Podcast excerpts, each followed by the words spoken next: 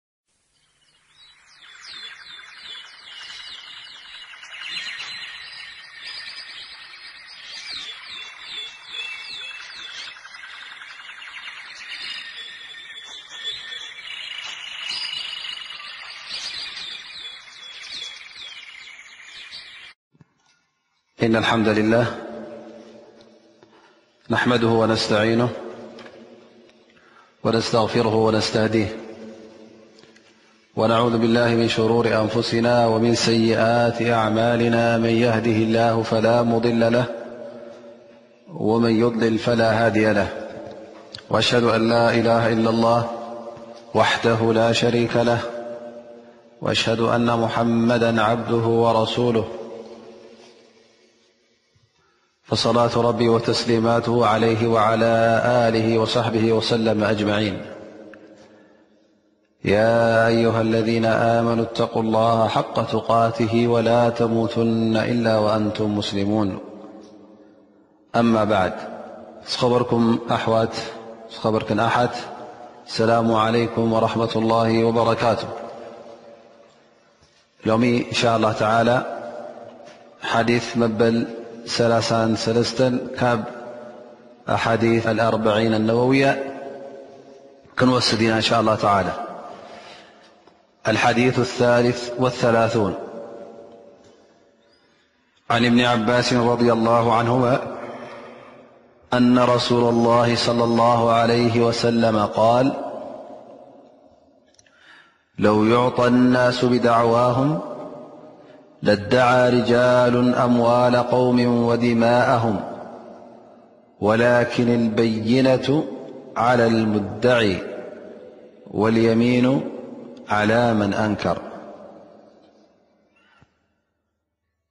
እዚ ሓዲስ እዚ ይብል ነቢይ صለ ላሁ ዓለ ወሰለም ከምዚ ይብሉ ደቂ ሰብ በቲ ዝብልዎ ዘረባ ወይ ከዓ በቲ ዝብልዎ ክሲ እንተ ደኣ እወሃቡ ነይሮም ኮይኖም ብዙሓት ሰባት ዘይናቶም ገንዘብን ዘይናቶም ደምን ምሓተቱ ነይሮም።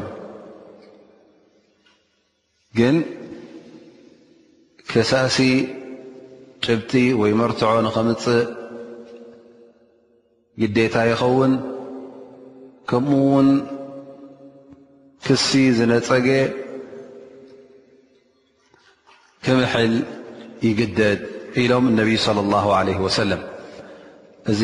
ብሕጽር ዝበለ ትርጉም ናይዚ ሓዲስ ክኸውን እንከሎ እንሻላህ ነዚ ሓዲስ እዚ ኣስፋሕ ኣቢልና ክንትንትኖ ኢና። እዚ ሓዲስ እዚ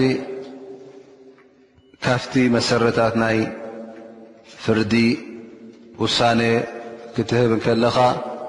ትብሎ እቲ ሒዝካዮ ትኸይድ ወይ ከዓ መሰረት ኮይኑካ ዓይንኻ ክርሕቕ ዘይብሉ ወይ ከዓ ካብ ኣእምሮኻ ክርሕቕ ዘይብሉ ሓዲት ይኸውን ማለት እዩ ምኽንያቱ ባስን ምስዕሓብን ክርከብ እንከሎ ነዚ ሓዲስ እዚ ክትጥቀመሉ ትኽእል ስለዚ እማም እነው ይብል እዚ ሓዲስ እዚ ዓብዪ መሰረት ዓቢ ቀንዲ ካብቲ ናይ ሽርዒ እስልምና ካብቲ ናይ ፍርዲ መሰረት እዩ ይብል ማለት እዩ ምክንያቱ ደቂ ሰብ ንንሕዶም ክፍረዱ ከለዉ መሰሎም ምእንቲ ንክሕሎ ፍትሒ ንክቀውም ከምኡ ውን ኩሉ ነናቱ ምእንቲ ክወስድ እዚ ሓቂ ወይ ከዓ እዚ ሓዲስ እዚ ከም ግቡእ ክንቅየደሉ ይግባእ ብ እዚ ሓዲስ እዚ ይብል እቲ ከሳሲ ክኸስስ እንከሎ ግዴታ ጭብጢ ከምፅእ ኣለዎ ወይ መርትዖ ክቕርብ ኣለዎ እዚ መርትዖ እዚ በባይ ዓይነት እዩ ግን ሓደ ካብቲ መርትዖታት ዝጥቀሞ ማለት ጭብጢ ኮይኑ ንዕኡ ሓቀኛ ከም ምዃኑ በዓል ሓቂ ከም ምዃኑ ዘብቅዖ ንኣብነት ምስክር ክቕርብ እንከሎ ማለት እዩ ምክንያቱ እዚ ምስክር እዚ ነቲ ሓቂ ኣበይ ከም ዘላ እዚ ምስክር እዚ እንደገና ምስቲ ናቱ ጥርዓን ምስቲ ናቱ ክሲ ተደሪቡ ከም መርትዖ ኮይኑ ክቐርብ እንከሎ ነቲ ቃል ናቱ የትርረሉ ማለት እዩ ነቲ ዝብሎ ዘሎ ዘረባ እውን ናብ ሓቂ የብቅዖ ማለት እዩ ስለዚ እዚ ቃል መስካሪ ዓቢ ግደ ኣለዎ ማለት እዩ ነቲ ጉዳይ ናብ ሓደ ዓይነት ውሳነ ንኸብፅሖ ስለዚ ሸሃዳ ወይ ከዓ ምስክርነት ክበሃል ከሎ ናይ ዓይኒ ምስክር ክበሃል እንከሎ ኩሉ ግዜ መን እዩ ዝምስክር ዝረኣየን ዝወዓለን ዝሰምዐን እዩ ዝምስክር ዝኣ እምበር ስቑኢልካ ዝኾነ ሰብ ኣይኮነን እዚ ምስክር ማለት እዩ ስለዚ እዚ ሓደ ዓይነት ካብቲ ናይ መርትዖ ክኸውን እንከሎ እነሀ ኣብዚ ሓዲስ እዚ ከምዚ ዝረኣናዮ እቲ ከሳሲ መርትዖ ከቕርብ ተባሂሉ ኣሎ። መርትዖ ናቱ ድማ ሓደ ካብቲ መርትዖታት ምስክር ይኸውን። ምስክር ንገዛእ ርእሱ እውን ኣብቲ ክሲ በበይኑ ዓይነት እዩ። ኣብ ሽርዒ እስልምና እንተ ርእናዮ ኩሉ ነናቱ ኣለዎ ማለት እዩ። ንኣብነት እቲ ጉዳይ ወይ ከዓ እቲ ናብ ፍርዲ ቀሪቡ ዘሎ ጉዳይ ዓይነት ገበን እንታይ ከም ምዃኑ ተራእዩ እንታይ ዓይነት ምስክር ከም ዘድልዮ ሓደ ድዩ ክልተ ድዩ ሰለስተ ድዩ ኣርባዕተ ድዩ እዚ ሕጂ ኣብ ሸርዒ እስልምና እተፈላለየ መሰኻኽር ይደሊ ማለት እዩ ንኣብነት ኣብ ናይ ዝምውና መሰኻኽር ክቐርቡ እንተ ኮይኖም ማለት እዞም ሰባት እዚኦም ንሓደ ሰብ ወይ ከዓ ሓንቲ ጓል ኣንሰይቲ ብዝምውና ጠርጢርና ኢሎም እተ ከም ዘሞት ከሲሶም መሰኻኽር ክቐርቡ ኣለዎም ወይ ከዓ እተ ሓደ ሰብ ከሲሱ መሰኻኽር ክቕርብ ኣለዎ እዞም መሰኻኽር ሓደ ጥራይ ኣይኮነ ክልተ ጥራይ ኣይኮነ እንታይ ደኣ ክሳዕ ኣርባዕተ ክኸውን ግዴታ ይኸውን ማለት እዩ يقول الله سبحانه وتعالى والتي يأتينا الفاحشة من نسائكم فاستشهدوا عليهن أربعة منكم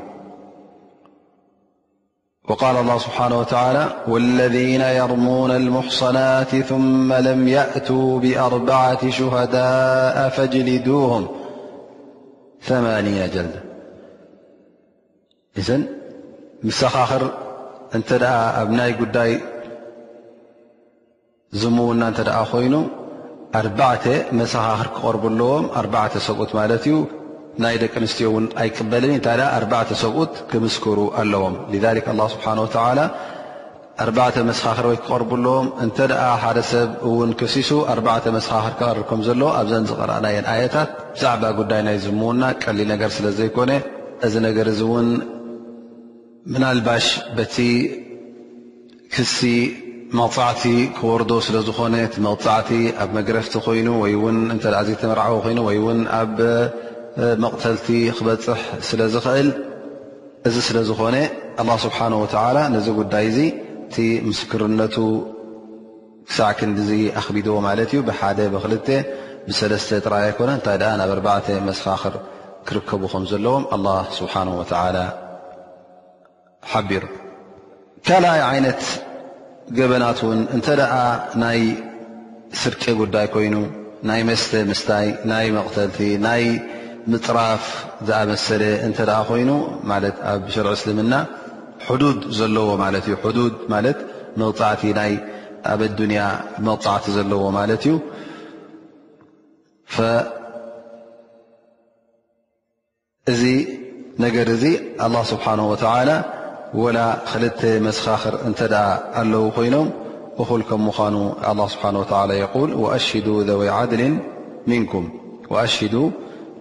ዘወይ ዓድሊን ምንኩም ክልተ መሰኻኽር ኣቕርቡ ኢሉና ኣላ ስብሓን ወተላ ስለዚ ክልተ ሰብኡት መሰኻኽር ኣብዚ ጉዳይ እዚ ክርከቡ ኣለዎም ከምኡ ውን ናይ ደቂ ኣንስትዮ ኣብዚ ጉዳይ እዚ እቱ ኣይኮነን ምስኡ እቱ ዝኾነ ውን ይብሉ ዑለማ ናይ መርዓ ናይ ፍትሕ ጉዳይ እውን መሰኻኽር ክልተ ሰብኡት የድልዩ ይብሉ ዑለማእ። ስለዚ እዚ ዓይነት እዚ ጉዳይ እንታይ ይኸውን ማለት እዩ? መሰኻኽሩ ክልተ ሰብኡት እኹላት ይኾኑ። ስለዚ እቲ ቀዳማይ ኣርባዕተ ርኢና ማለት እዩ ናይ ዝምውና ጉዳይ እንተ ኮይኑ ካልኣይ ጉዳይ እውን ናይ መቕተልትን ናይ ስርቅን ናይ መስተን ናይ ምፅራፍን ናይ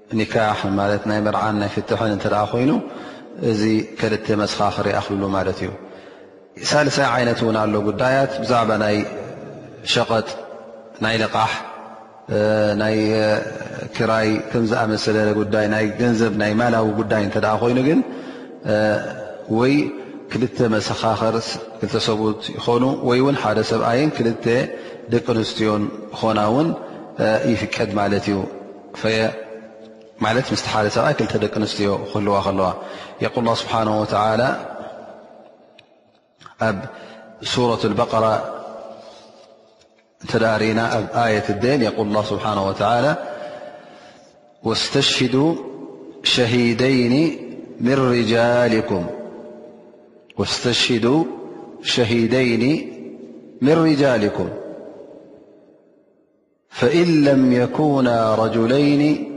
فرجل وامرأتان ممن ترضون من الشهداء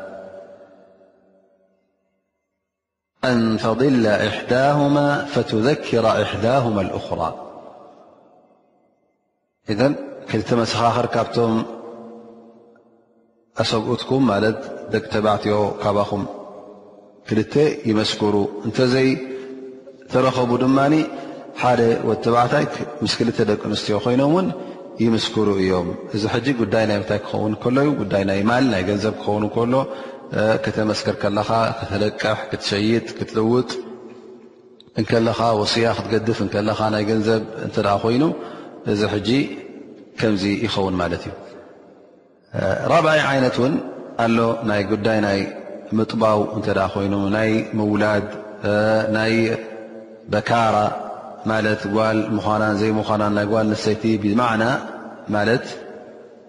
እቲ ጉዳይ ብጀካ ደቂ ኣንስትዮ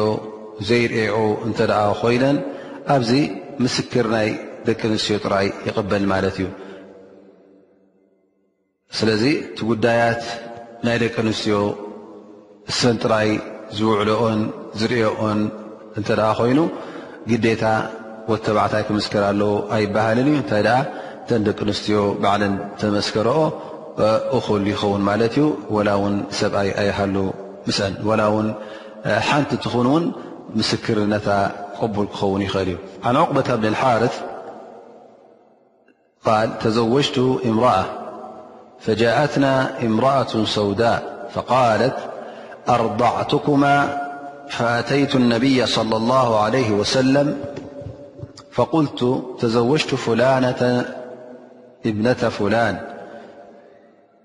جاءتنا امرأة سوداء فقالت لي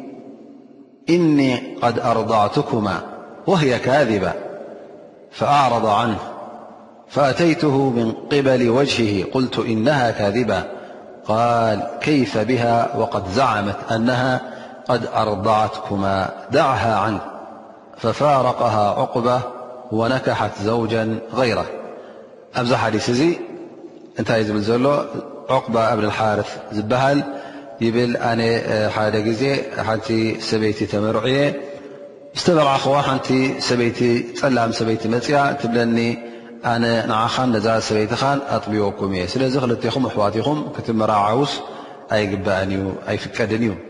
ኢላ ተዛሪባትኒ። ከምዚ ምስ በለትኒ ትኽ ኢለ ናብ መን ይኸይድ ይብል ናብ ነቢና ሙሓመድ ሶለ ላሁ ዓለይሂ ወሰለም ከይደ ይብል። ናብ ነቢና ሙሓመድ ስ ሰለም ከይደ ያ ረሱላ ላህ ኣነ ንክስቶ ጓል ክስቶ ተመርዐ እያ ግን ሓንቲ ሰበይቲ ፀላም ሰበይቲ መፅኣ ኣነ ኣጥቢወኩም እየ ኢላህና ኣነ ድማ እዛ ሰበይቲ እዚኣ ኣይኣመንክዋን ሓሳዊት እያ መስለኒ ትሑስ እያ ዘላ ኢሉ ነቢና መሓመድ ስ ሰለም ተዛሪቦም ፈነቢ ስ ሰለም ገፆም ንንዮ ገይሮም ማለት እዩ ዝግዘረባ ምስ ተዛረቦም ይብል ናብቲ ገፆም ዝለወጡሉ ወገን መፅኤ ድማ እንደገና ተዛሪበዮ ንረሱ ሰለ ረሱ ላ እነሃ ካዚባ እዚኣስ ሓቂ ኣይኮነትን ሓስያ እያ ኢለ እንደገና እውን ተዛሪበዮ ፈነቢ ለ ላ ሰለም ል ከይፈ ብሃ ወቀድ ዛዓመት ኣነሃ ድ ኣርضዓትኩማ ዳዓሃ ዓንክ እዛ ሰብ እዚኣ ካብ ተዛረበት ኣጥቢኩም እየ ካብ በለት በቃ እታ ትመርዒኻያ ዘለኻ ሰበይቲ ግደፋ ፍትሓ እያ ማለት እዩ ፋረቕቱሃ ይብል እዚኣ ምስ በለኒ ነቢ ስ ሰለ ምስ በሉኒ ገዲፈያ ብድሕረይ ድማ ካልእ ሰብ ትመርዕያ ይብል ፈኢዘ እንታይ ዘርእየና ዘሎ እዚ ሓዲስ እዚ እዛ ሰበይቲ እዚኣ ንበይና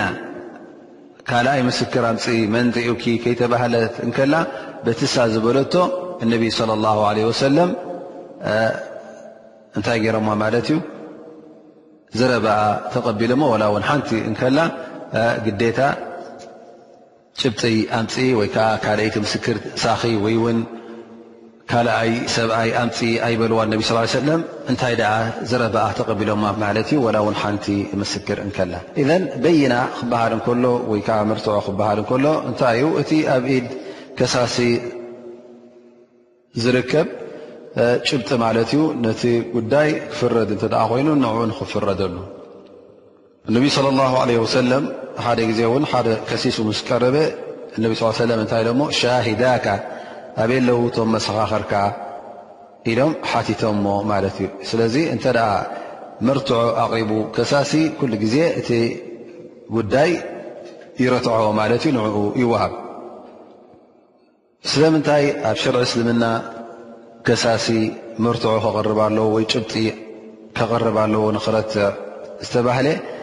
ምኽንያቱ እዚ ከሳሲ እዚ ክኸስስ እንከሎ እቲ ዝብሎ ዘሎ ክሲ እቲ ዝጠርዖ ዘሎ ጥርዓን እንተ ርእናዮ ርኡይ ነገር ኣይኮነን ማለት ኣብ ቅድሚ እቲ ፈራዳይ ዝረአ ነገር ኣይኮነን ስለዚ ኣነ ከምዝ ከምዝን ኣለኒ ክብል ከሎ እንታይ ኣሎ ጭብጠኻ እዩ ዝበሃል ማለት እዩ ምክንያቱ እቲ ዝጠልቦ ዘሎ እቲ ዝሓቶ ዘሎ ነገር ኣብ ኢዱ የለን እቲ ዝዛረቦ ዘሎ ድማ ቅድሚ ሕጂ ፍሉጥ ኣይኮነን ነይሩ ሕጂ ከም ዘይተፈልጠ ነገር ንኽፍለጠሉ እዩ ዝደሊ ዘሎ ማለት እዩ ዘየሎ ነገር ንዕኡ ንክኾነሉ እዩ ዝደሊ ዘሎ ስለዚ እንታይ ይሕተት ማለት እዩ ግዴታ በይና መርትዖ ንኸቕርብ ይሕተት ማለት እዩ ስለዚ ነዚ ነገር እዚ ንኽረአ ንኽርከብ መርትዖ እንታይ ኣለካ ይበሃል ስለዚ እዚ መርትዖ እዚ ክቐርብ እንከሎ ሽዑኡ ጭብጢ ኮይኑ ነቲ ጉዳይ ንኸረትዖ ንክወሃቦ ዕድል ይህልዎ ኩሉ ግዜ እውን ኣብቲ ሸርዒ እስልምና እቲ ከሳሲ ብመርትዖ ክቐርብ እንከሎ ኩሉ ግዜ እታ መርትዖ ናቱ ቀብልቲ ትኸውን እታ መርትዖ ናቱ ሙድዒ ዓለይህ ማለት እቲ ከሳሲ ኩሉ ግዜ መርትዖ ክቕርብ እንከሎ ኢልና እቲ ሒዝዎ ዘሎ መርትዖ ኩሉ ግዜ ካብቲ ተኸሳስ ዘቕርቦ ዘሎ መርትዖታት ካብኡ ዝለዓለ እዩ ወይ ከዓ ቀዳምነት ኣለዎ እዚ ክበሃል እንከሎ ከሳሲ ናብ ቃዲ ወይ ከዓ ናብ ፈራዲ መፂኡ ጉዳይ ናቱ ምስ ኣቕረበ ኩሉ ግዜ ቃዲ ወይ ከዓ ፈራዳይ ንመን እዩ ዝሓትት ማለት እዩ ነቲ ተኸሳሲ እዚ ዝሰምዖ ዘለኻ ክሲ ወይ ከዓ እዚ ከሳሲ ዝብሎ ዘሎ ጉዳይ ትእመነሉ ዲኻ ኣይትእመነሉ እንታይ ትብል ይብሎ ማለት እተ ተኣሚኑ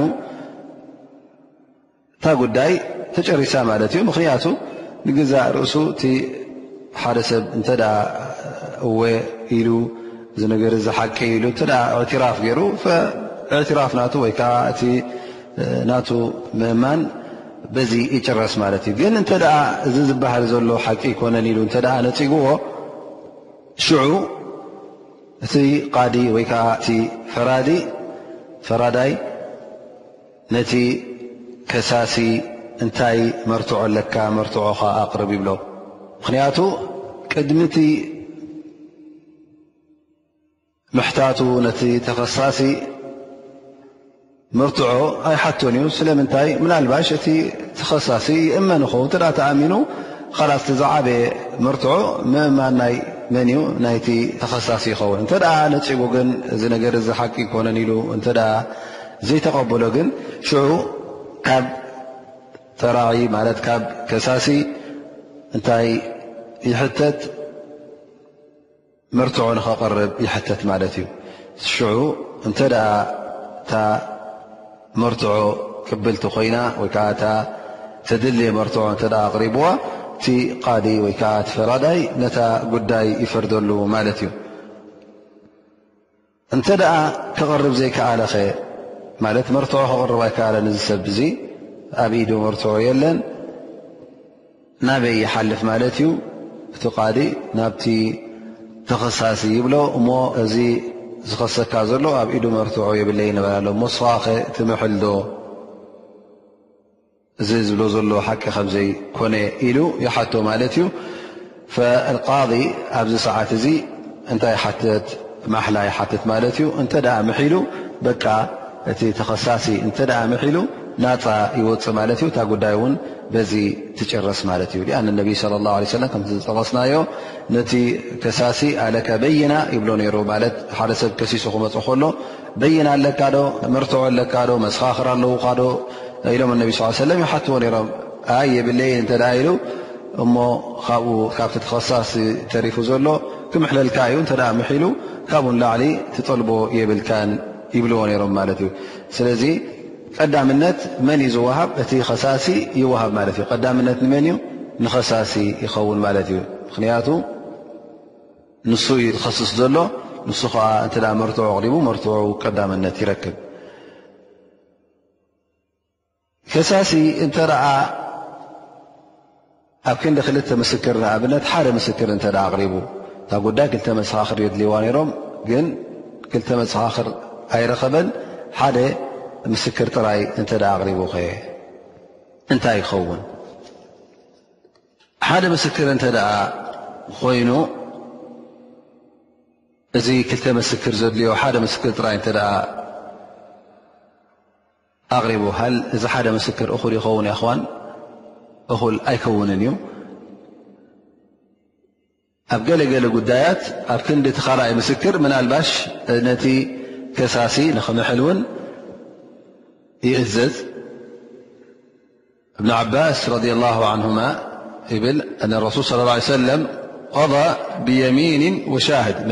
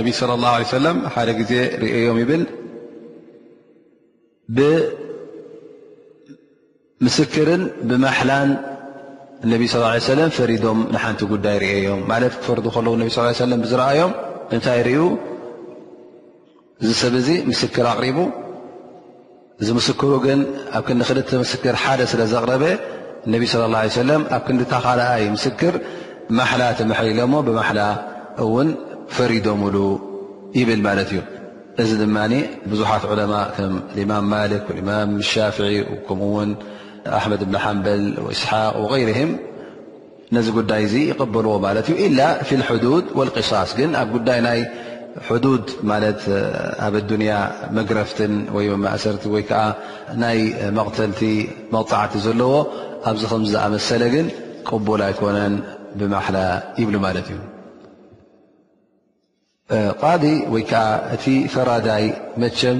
እቶም መሰኻኽር ክቐርቡ ከለዉ እንተደልዩ ከምሕሎም ማለት እንተ ብዝያዳ ነቲ ጉዳይ ጭብጢ ዘድሉ ኮይኑ ንከምሕሎም ይፍቀድ ማለት እዩ ንከምሕሎም ይፍቀድ እቶም መሰኻኽር ቀሪቦም ዘለዉ ወላ እውን ከም መሰኻኽር ይቕረቡ ደኣ እምበር እዚ ፈራዳይ እዚ እንተ ዝያዳ ጭብጢ ደልዩ ነዞም መሰኻኽር ከምሕሎም ይኽእል እዩ ማሓላ እውን መሓሊሉ ክሓቶም ይኽእል እዩ ሊኣን እማም ኣሕመድ ሶኢል ን ሃ መሰላ ብዛዕባ እዛ ጉዳይ እዚኣ እማም ኣሕመድ ብን ሓምበል ተሓቲቶም ፈይብሉ ዓሊ ብን ኣብጣልብ ነዚ ነገር እዚ ገይሮሞ እዮም ማለት ነቶም መሰኻኽር ክምስክሩ ምስ መፁ ንክምሕሉ ሓቲቶሞም ማለት እዩ በል እማም እብኒ ረጀብ ይብል ኣብ ቁርን እውን እንተ ርእና እንተ ጥርጥር ኣለ ኮይኑ እቶም መሰኻኽር እተ ጥርጥሮም ኮንካ ኣብ ወስያ ንኣብነት ኣብ መገሻ ኣላ ስብሓን ወተላ ይብል ኣብ ናይ ወስያ ኣብ መገሻ ከለኻ እንተ እቶም መሰኻኽር ክምስክሩ እንተ ኮይኖም እንተ ጥርጠራ ኣሎ ኮይኑ ነቲ ጥርጠራ ምእንቲ ክጠፍእ ንኸነምሐሎም ኣላ ስብሓን ወተላ ኣፍቂዱልና እዩ ይብል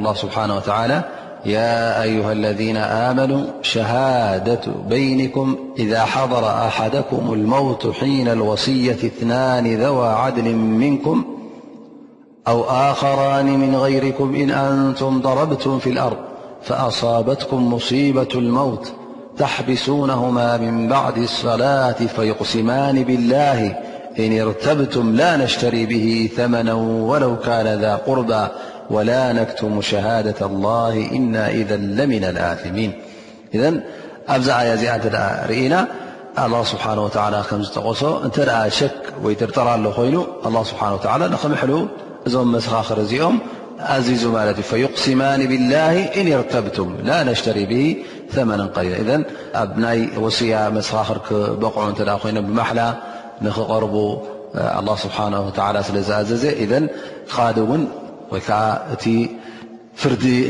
ንክህብ ተመዚዙ ዘሎ ሰብ ፈራዳይ ማለት ነቶም መሰኻኽር ንክምሕሉ ወይ ከዓ መሓሉ ክብሎም ይፍቀዶ እዩ ተኸሳሲ እንተ ደኣ ምምሓል ኣብዩኸ ንኣብነት ኢልና እንተ ከሳሲ መርትዖ የብለይን ጭብጢ ኣብ ኢደይ የብለይን ኢሉ እንተ ተዛሪቡ እሞ ናበይና ንሓልፍ ኢልና ናብቲ ተኸሳሲ እሞ መሓል እዚ ዝብሎ ዘሎ ሓቂ ከም ዘይኮነ እዚ ኸሳሲኻ ዝብሎ ዘሎ ዘረባ እቲ ክሲ ሓቂ ከም ዘይኮነ መሓል ይበሃል ኢልና ማለት እዩ እሞ እንተ ኣብዩኸ ኣይምሕልን እተ ኢሉ እንተ ኣይምሕልን ኢሉ እዚ ሰብ እዚ ልክዕ ከም ተኣመነ እዩ ዝቁፅር ልክዕ ከም ተኣመነ እዩ ዝቁፅር ምክንያቱ ናይ ብሓቂ እቲ ዝብሎ ዘሎ ኣነ እዚ ተኸሲሰዮ ዘለኹ ክሲ ሓቂ ይኮነን ዩ ዝብል ዘሎ እሞ ዘረብኡ እዚ ሓቂ እንተ ኮይኑ ብማሓላ ንፀጎ ክበሃል እንከሎ ክኣቢ የብሉን ምክንያቱ እዚ ነገር እዚ ጉዳይ ናይ ማል ናይ ገንዘብ ናይ ካልእ መሰል ስለ ዝኾነ ከም ዝኣመሰለ መሰል እውን ከጥፍእ የብሉን። ናቱ ሓቁ መሰሉ እንተ ኮይኑ ከምኡ ውን እቲ ዝሓትት ዘሎ መሰለይ ኢሉ ቀሪቡ ዘሎ እውን ምእንቲ ዘይናቱ ንኸይወስድ ግዴታ እዚ ነገር እዚ ዋጅብ ስለ ዝኾነ ክምሕል ይግባእ ማለት እዩ። ስለዚ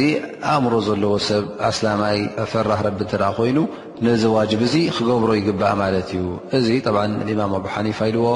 ግን ገለገለ ነገራት ኣብቶም ዕለማእ ፍልልያት ኣሎ ገለገለ ጉዳያት ምናልባሽ ዝተፈላለየ ቃላት ትረኽበሉ ትኸው ላኪን ግዴታ እተ በቲ ጉዳይ ርኢናዮ እውን እዚ ነገር እዚ ኣይኮነን ክብል እንከሎ ዘረብኡ ሓቂ ማለት እዩ ስለምንታይ ዘየምሕል ነገር እውን የብሉን እንተ ምሒሉ ግን እንታይ ኢልና ማለት እዩ ኩሉ ግዜ እተ ምሒሉ ናፃ ክወፅ እዩ ቲ ማሕላ ናት እውን እኹል እዩ ማለት እዩ መሰኻኽር እውን ኣይሕተትን እዩ መሰኻኽር ዝሕተት መን እዩ ተኸሳሲ ተኸሳሲ ጥራይ ማሕላ እዩ ዝሕተት እንተ ምሒሉ ድማ ኣብ መጨረሻ ንዕኡ ይፍረደሉ ማለት እዩ ኩሉ ግዜ ጠብዓ እታ ማሓላ ክንሪኣ ከለና ጠብዓ ካብታ መሰኻኽር ትፈኩስ ማለት እዩ ስለምንታይ ኣ እቲ ከሳሲ ኩሉ ግዜ ዘየሎ ነገር እዩ ዝሓትት ዘሎ ምእንቲ ንኡ ንክረኽቦ ወይ ከዓ እቲ ዘየሎ ነገር ንክትግበረሉ እዩ ዝጠልብ ዘሎ ማለት እዩ ስለዚ እዚ ጉዳይ ዝዓብ ስለ ዝኾነ ምስክር የድልዮ ግን እቲ ዝነፅግ ዘሎ ነቲ ዘሎ ንኡ እዩ ኣልበቃ ኣምር ዓለ ኣስል ከምቲ ዘለዎ ንኡ እዩ ከትርፍ ዝደሊ ዘሎ ስለዚ ዓቢ ነገር ኣይሕተትን እዩ ዝኾነ ይኹን ሰብ እንተ ተኸሲሱ ዓብ ይኹን ንእሽተ ይኹን መራሒ ይኹን ተመራሒ ይኹን ከይፈላለኻ ኩሎም እንተ ተኸሲሱ መፅኡ እሞ ከዓ ነቲ ክሲ ነፂግዎ ክምሕል ይእዘዝ ማለት እዩ ክምሕል እንከሎ ድማ እቲ ቃደ ክምሐሎ ከሎ ብኣላ ስብሓን ወተላ ጥራይ ክምሕል ኣሎ ማለት እዩ ብካልእ ክምሕል የብሉን ብኻልእ ክምሕል የብሉን ወላ ውን ዘይኣስላማይ እንተ ኮይኑ እዚ ሰብ እዚ ኣብ ኣስላማይ ቃዲ ፈራዳይ ክቐርብ እንተ ኮይኑ እሞ ከምሕሎ እተ ኮይኑ ብኣላ ስብሓን ወተላ ክምሕል ኣለዎ ማለት እዩ ነቢይ صለ ላ ለ ወሰለም የል እና ላሃ የንሃኩም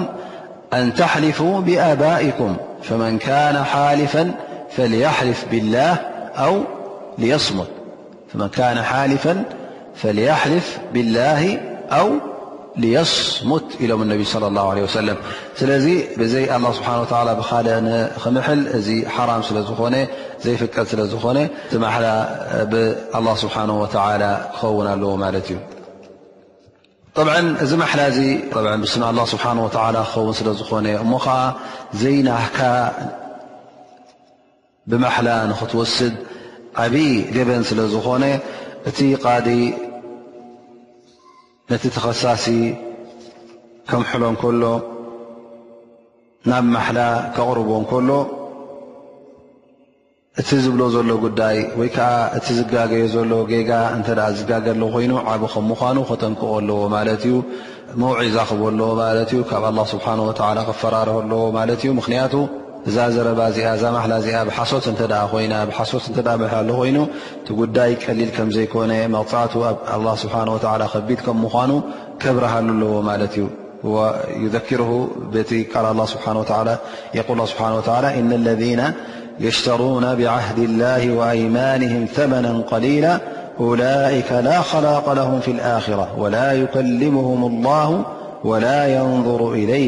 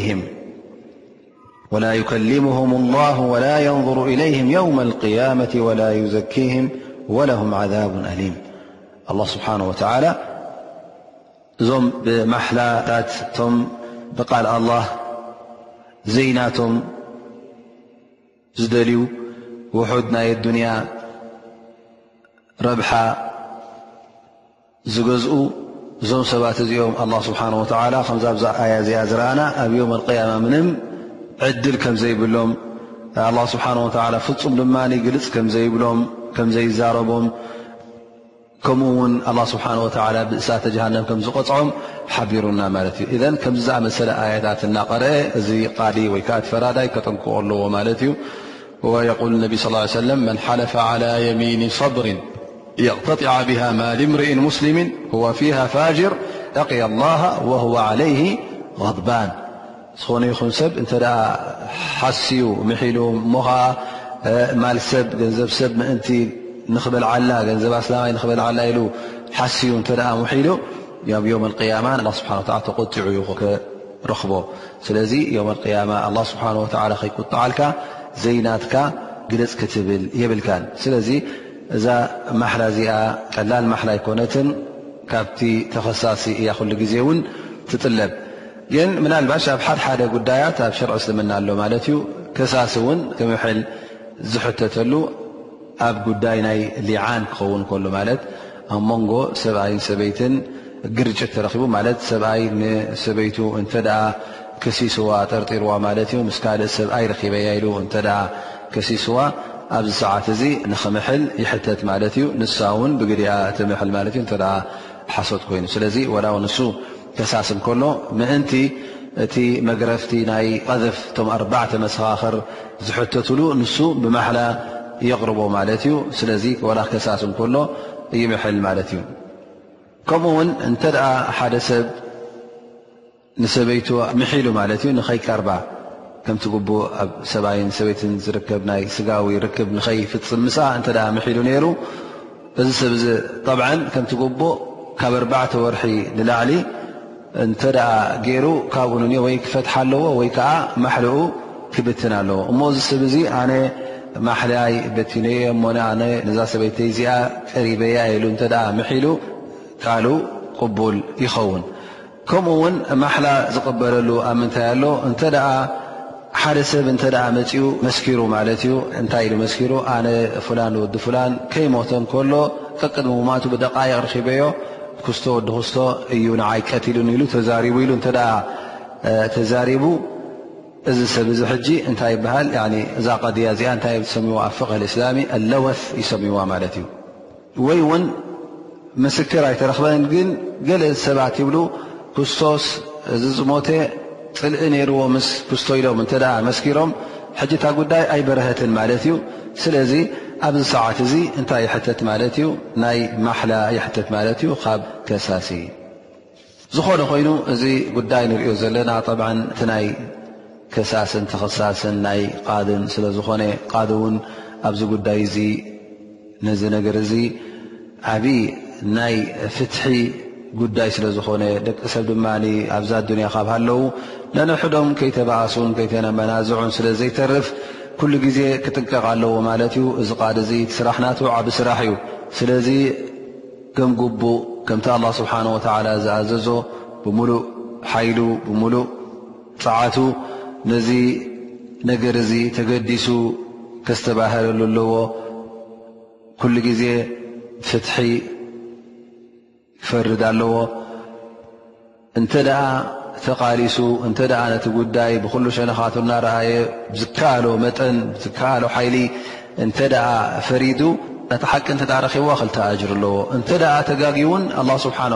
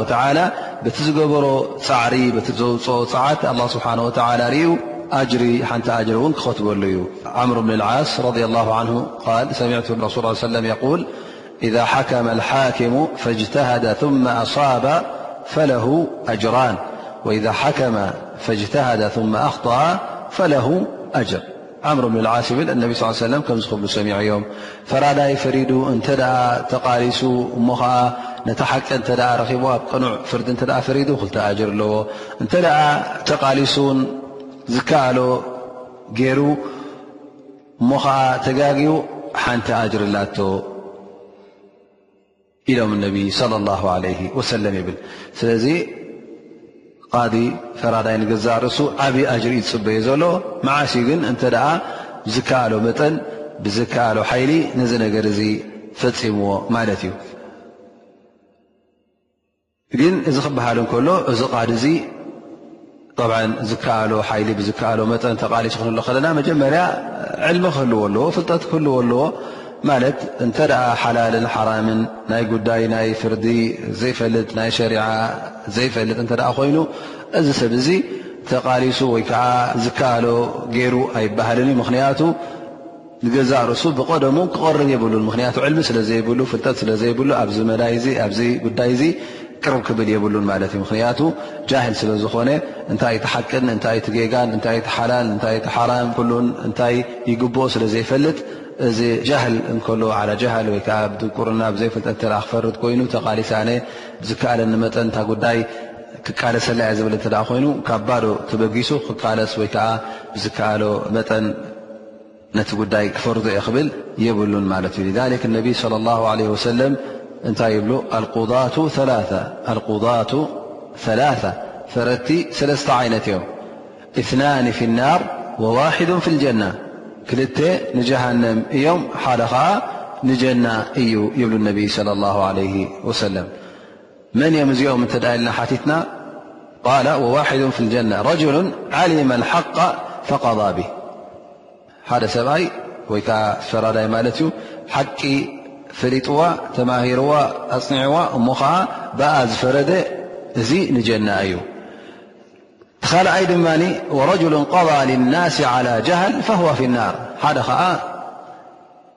ክፈርድ መፅኡ ክፈርድ እንከሎ ግን ብዘይ ዕልሚ ብዘይ ፍልጠት ካብ ጃህል ተበጊሱ ማለት ካብ ድንቁርና ተበጊሱ እንተ ፈሪዱ እዚ ሰብ እዚ ንእሳ ተጀሃንም እዩ ምክንያቱ ክእለት ናይ ፍርዲ ስለ ዘይብሉ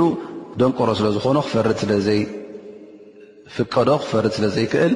በቲ ዝፈረዶ ፍርዲ ንእሳተ ጀሃንም ክኸውን ማለት እዩ ምክንያቱ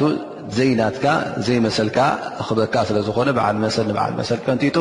ንዘይ በዓል መሰል ክህብ ስለ ዝኾነ ወረጅሉ ዓርፈ ሓቃ ፈጃራ ፊ ልክሚ ፈዋ ፊ ናር ኣሎ ድማ ሓቂ እናፈለጠ ከሎ ተማሂሩ ከሎ ሕጊ ተማሂሩ ከሎ ሸርዒ ተማሂሩ ከሎ ዕልሚ እናፈለጠ ከሎ ምእንቲ ገንዘብ ኮይኑ ምእንቲ ስልጣን ንምርካብ ኮይኑ ወይ ከዓ ብዘብልዕዎ ጉቦን ረሽዋን ተጠቢሩ ኮይኑ ነታ ሓቂ ገዲፉ ብዘይ ሓቂ ክፈርድ እንከሎ ክዕምፅ እንከሎ እዚ ድማ ንእሳተ ጀሃንም ይኸውን ማለት እዩ ኣላ ስብሓን ወተላ እዚ ሽርዒ እስልምና ክንሪኦ ከለና ሙሉእ ዘይጉዱል ገይሩ እዩ ኣውሪዱልና ጉዳይ ናይ ፍርዲ ይኹን ናብ መንጎና ዝርከብ ናይ ምስሕሓብ ከመይ ጌርካ ክፍረድ ከም ዘለዎ እቲ ስነ ስርዓት ናይ ፍርድን ስነ ስርዓት ናይ ፈራዳይን ስነ ስርዓት ናይ ከሳስን ተኸሰሳይን ኣላ ስብሓን ወተላ ኣብቲ ሸርዒ ኣንቢርዎ ማለት እዩ እዛ ሓዲስ እዚኣ ሕፅር ዝበለት ሓዲት እያ ተን ቃላታ እውን ሕፅር ዝበላ ቃላት እየን ግን ሓንቲ ካብቲ መሰረታት ናይ ምንታይ ኢልና ማለት እዩ ካብቲ መሰረት ናይ